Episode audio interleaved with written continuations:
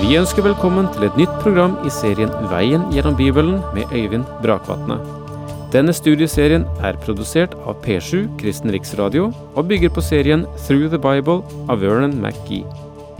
I dag fortsetter vi med profeten Malaki.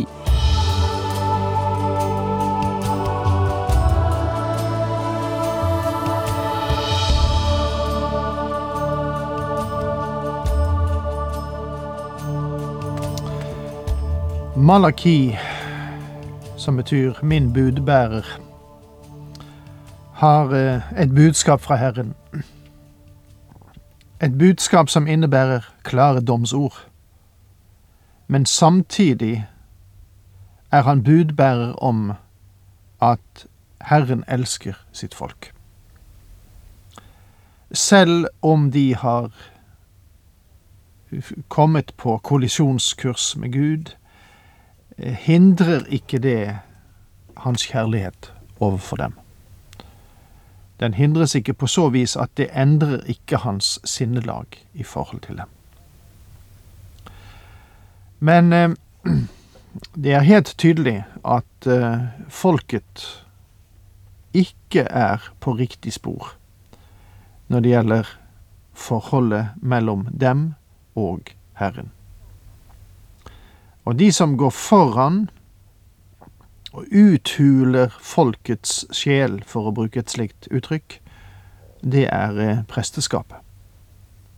Presteskapet som eh, ser mellom fingrene med det som foregår i tempelet, og eh, sier ingenting om at det gudsforhold som presenteres i tempelet, for manges vedkommende, ja, selv for prestenes vedkommende, er en ytre staffasje. Men det er ikke noe indre kjærlighetsforhold til Herren. Eh, dette går godt an å avlese, altså det presten, presteskapets og folkets frafall går godt an å avlese på den måten de ser på Herrens ofringer. Her er det ikke så nøye. Her eh, skal vi bare gjøre som vi vil, og som vi synes, og praktisk og hensiktsmessig og billigst mulig. Og får vi det til, så, så er vi fornøyd. Da har vi liksom gjort vårt. Men Herren er ikke fornøyd. Når dere vil ofre et blindt dyr, er ikke det galt. Når dere bringer et halvt eller sykt dyr, er ikke det galt. Kom med slikt til din stattholder, tror du han vil synes om deg eller ta vel imot deg, sier Herren, allhærs Gud. Ja, slik uttrykker Malakia det i kapittel 1 vers 8, som vi siterte mot avslutningen forrige gang. Og så tok jeg også med det som var selve forordningen og loven når det gjaldt eh, å fremstille offer for Herren, som vi finner i Tredje Mosebok kapittel 22. Og der Herren ikke tåler et offer med et dyr som har lyte. Og hvorfor? Jo, fordi at dette offer er jo et bilde på den Herre Jesus Kristus, som er Guds fullkomne lam, som tar bort verdens synd.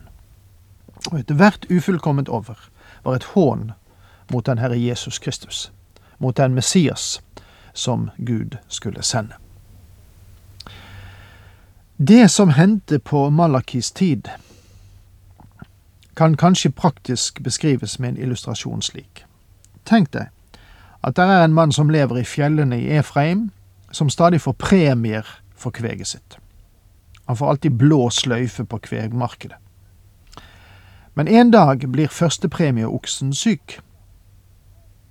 Og når han kontakter veterinæren, så sier denne jeg tror ikke at han eh, klarer det. Men oksen din vil nok snart være død. Så mannen sier vel, la oss da få den på en vogn og skynde oss til tempelet der jeg kan ofre den som et betydelig offer. Og når mannen bringer oksen til tempelet, så kan presten se at den gamle oksen er syk, men han ser mellom fingrene med det for dette er jo en fremstående storbonde fra Efraim, forstår du. Og når folket ser denne prisbelønte oksen bli ofret, så sier de sannelig er denne store kaksen sjenerøs også. Tenk hvilken fantastisk eh, offergave som han i dag har skjenket Herren.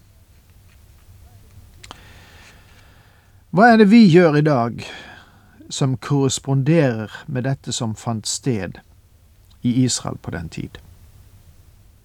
Husk at apostelen Paulus beskrev menneskene i de siste dager som de som har gudfryktighetsskinn, men fornekter dens kraft, som det står i 2. Timotius brev kapittel 3 vers 5. Mennesket ønsker å bli sett på som meget fromme. Det finnes en hel del pompøs fromhet som bare er et utvendig blettenverk. Og Paulus beskriver det som å ha gudfryktighetsskinn. Vi burde fange opp eh, Guds refselse her som et faresignal og et rødt lys for oss. Dette er et budskap for folk som går til kirke. De lytter, de er ortodokse i formen, meget grundige, og de sier amen. De kjenner språket, de kan sitere mange fromme vendinger, de er fornøyd med en smakløs moral, de kjenner sannhetens form og alle skibolett, og de er fornøyd med det. Men får jeg si til oss alle i fullt alvor at dette faktisk er å ringakte Gud om man tilber ham på dette grunnlag. Og det er ikke for mye å si at jeg er mer redd for det verdslige i helligdommen enn jeg er for det verdslige på gatehjørnet. Kanskje du vil protestere. Jeg har aldri brakt ei sjuk ku til Gud og ofret den til ham. Vel, men vil du legge merke til hva Gud sier her i det verset som vi har foran oss? Kom med slikt til din stattholder. Tror du han ville synes om deg eller ta vel imot deg? Med andre ord, prøv å betale skatten din med falske penger. Og det er det som er sammenligningen her. De politiske myndigheter vil ikke godkjenne det. Men det å gi Herren et falskt offer, det er å seile under falskt flagg. Det er å stå frem med en fromhet du ikke har. Skulle Gud la seg lure av det? Da han som var her for mer enn 1900 år siden, satte seg ved siden av skattkisten i tempelet og så på hvordan folk gav, så er jeg sikker på at noen av dem tenkte, hva har han med det å gjøre? Det er faktisk den Herre Jesus Kristus, og kanskje han også kikker deg over skulderen en søndag morgen når du gir din gave. Gir du med glede og frikostig til Herrens arbeid, som du ville gjort det om du skulle betale en konsertbillett? Mine venner, jeg tror det dessverre er slik at det er mange gamle og syke kuer som dras til kirken også i dag. Det var Israels metode, og tro meg, Herren lot det ikke passere. Og her er det egentlig en flengende ironi. Lytt til ham. Når dere vil ofre et blindt dyr, er ikke det galt. Når dere bringer et halvt eller sykt dyr, er ikke det galt. Kom med slikt til din stattholder. Tror du han ville synes om deg, eller ta vel imot deg, sier Herren, allherrs Gud. Det er ikke meg som sier dette. Det er eh, Herren som sier at like lite som du kan betale din skatt med falsk mynt, kan du betale din skyldighet mot Gud med ditt falske offer. Mange har som grunnlag i dag å gi tiende av sin netto fortjeneste, og det er et bra prinsipp. Men vi er ikke under kravet om å gi tiende i hele tatt. Men la meg få si at det er interessant å merke seg at i Moseloven var det mer enn én tiende. Vi vet at det var to tiendeytelser, og mange tror at det var tre tiendeytelser. Det vil egentlig bety at folket ga 30% av det de tjente til Herren. Da den Herre Jesus så over mot skattkisten fra der han satt, så han hvordan de rike gav, og de gav sjenerøst. Men han ga dem aldri en positiv kommentar, fordi de beholdt så kolossalt mye for seg selv.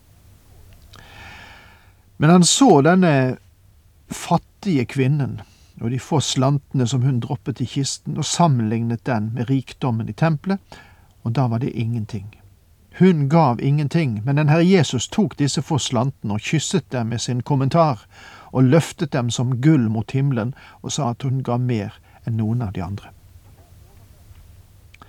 Jeg er overveldet over hvordan dette bibelprogrammet Veien gjennom Bibelen holdes oppe. Store deler av det holdes oppe gjennom mennesker som sikkert kunne trengt å reservere det de sender, for seg selv. Men de gjør det ikke. Kanskje også mange tenker det er ikke mye jeg kan gjøre, men de gjør det de kan. Og til sammen er det mange enker og pensjonister som underbygger dette programmet. Ja, mange andre med, og jeg takker dere alle. Men vi ville vært ille ute hvis de mange små gaver ble borte. Israelittene på Malakis tid var svært så kløktige. Når ei gammel ku ble syk eller et lam brakk en fot, da støttet de det opp og skyndte seg til tempelet for å ofre det til Gud. Og Herren sier at han vil ikke ta imot et slikt offer. Det nye testamentet ser på oss alle som troende i dag som prester. Vi tilhører det allmenne prestedømmet. Vær sikker at du ikke er en prest som ringeakter Gud gjennom din givertjeneste. Det er veldig sterkt og direkte språk som Malaki bruker her, men kanskje vi trenger det for å rystes våken også på dette punkt i forståelsen av hvordan vi skal ære Gud. Men nå, prøv å vinne Guds velvilje, så Han kan være nådig mot oss. Når dere har gjort noe slikt, kan Han da se med velvilje på dere, sier Herren, allherrs Gud. Er det mulig at disse menneskene kunne fortsette å holde en ytre maske uten å innse at de i sitt hjerte ikke hadde rett med Gud? Deres hjerte er forurenset, og derfor er også deres ofring uren. Om det nå bare var noen iblant dere som ville stenge tempeldørene, så dere ikke forgjeves tenner ild på mitt alter. Jeg bryr meg ikke om dere, sier Herren, allherrs Gud, og vil ikke ha de offergavene som dere bærer fram. Gud sier, alle de religiøse krumspring dere foretar, er absolutt meningsløse. Det duger ikke til noe. Det gir ingen avkastning. Men de fortsatte med det samme.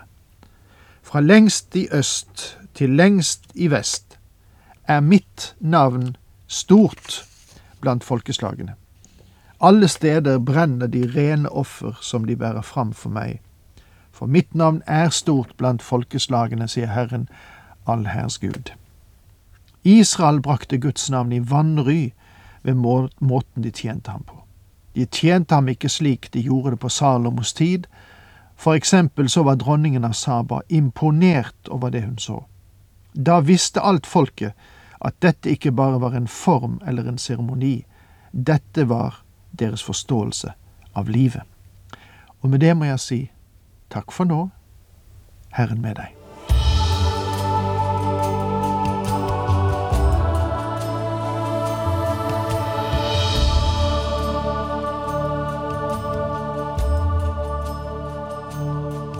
Du hørte Øyvind Brakvatne i studieserien Veien gjennom Bibelen.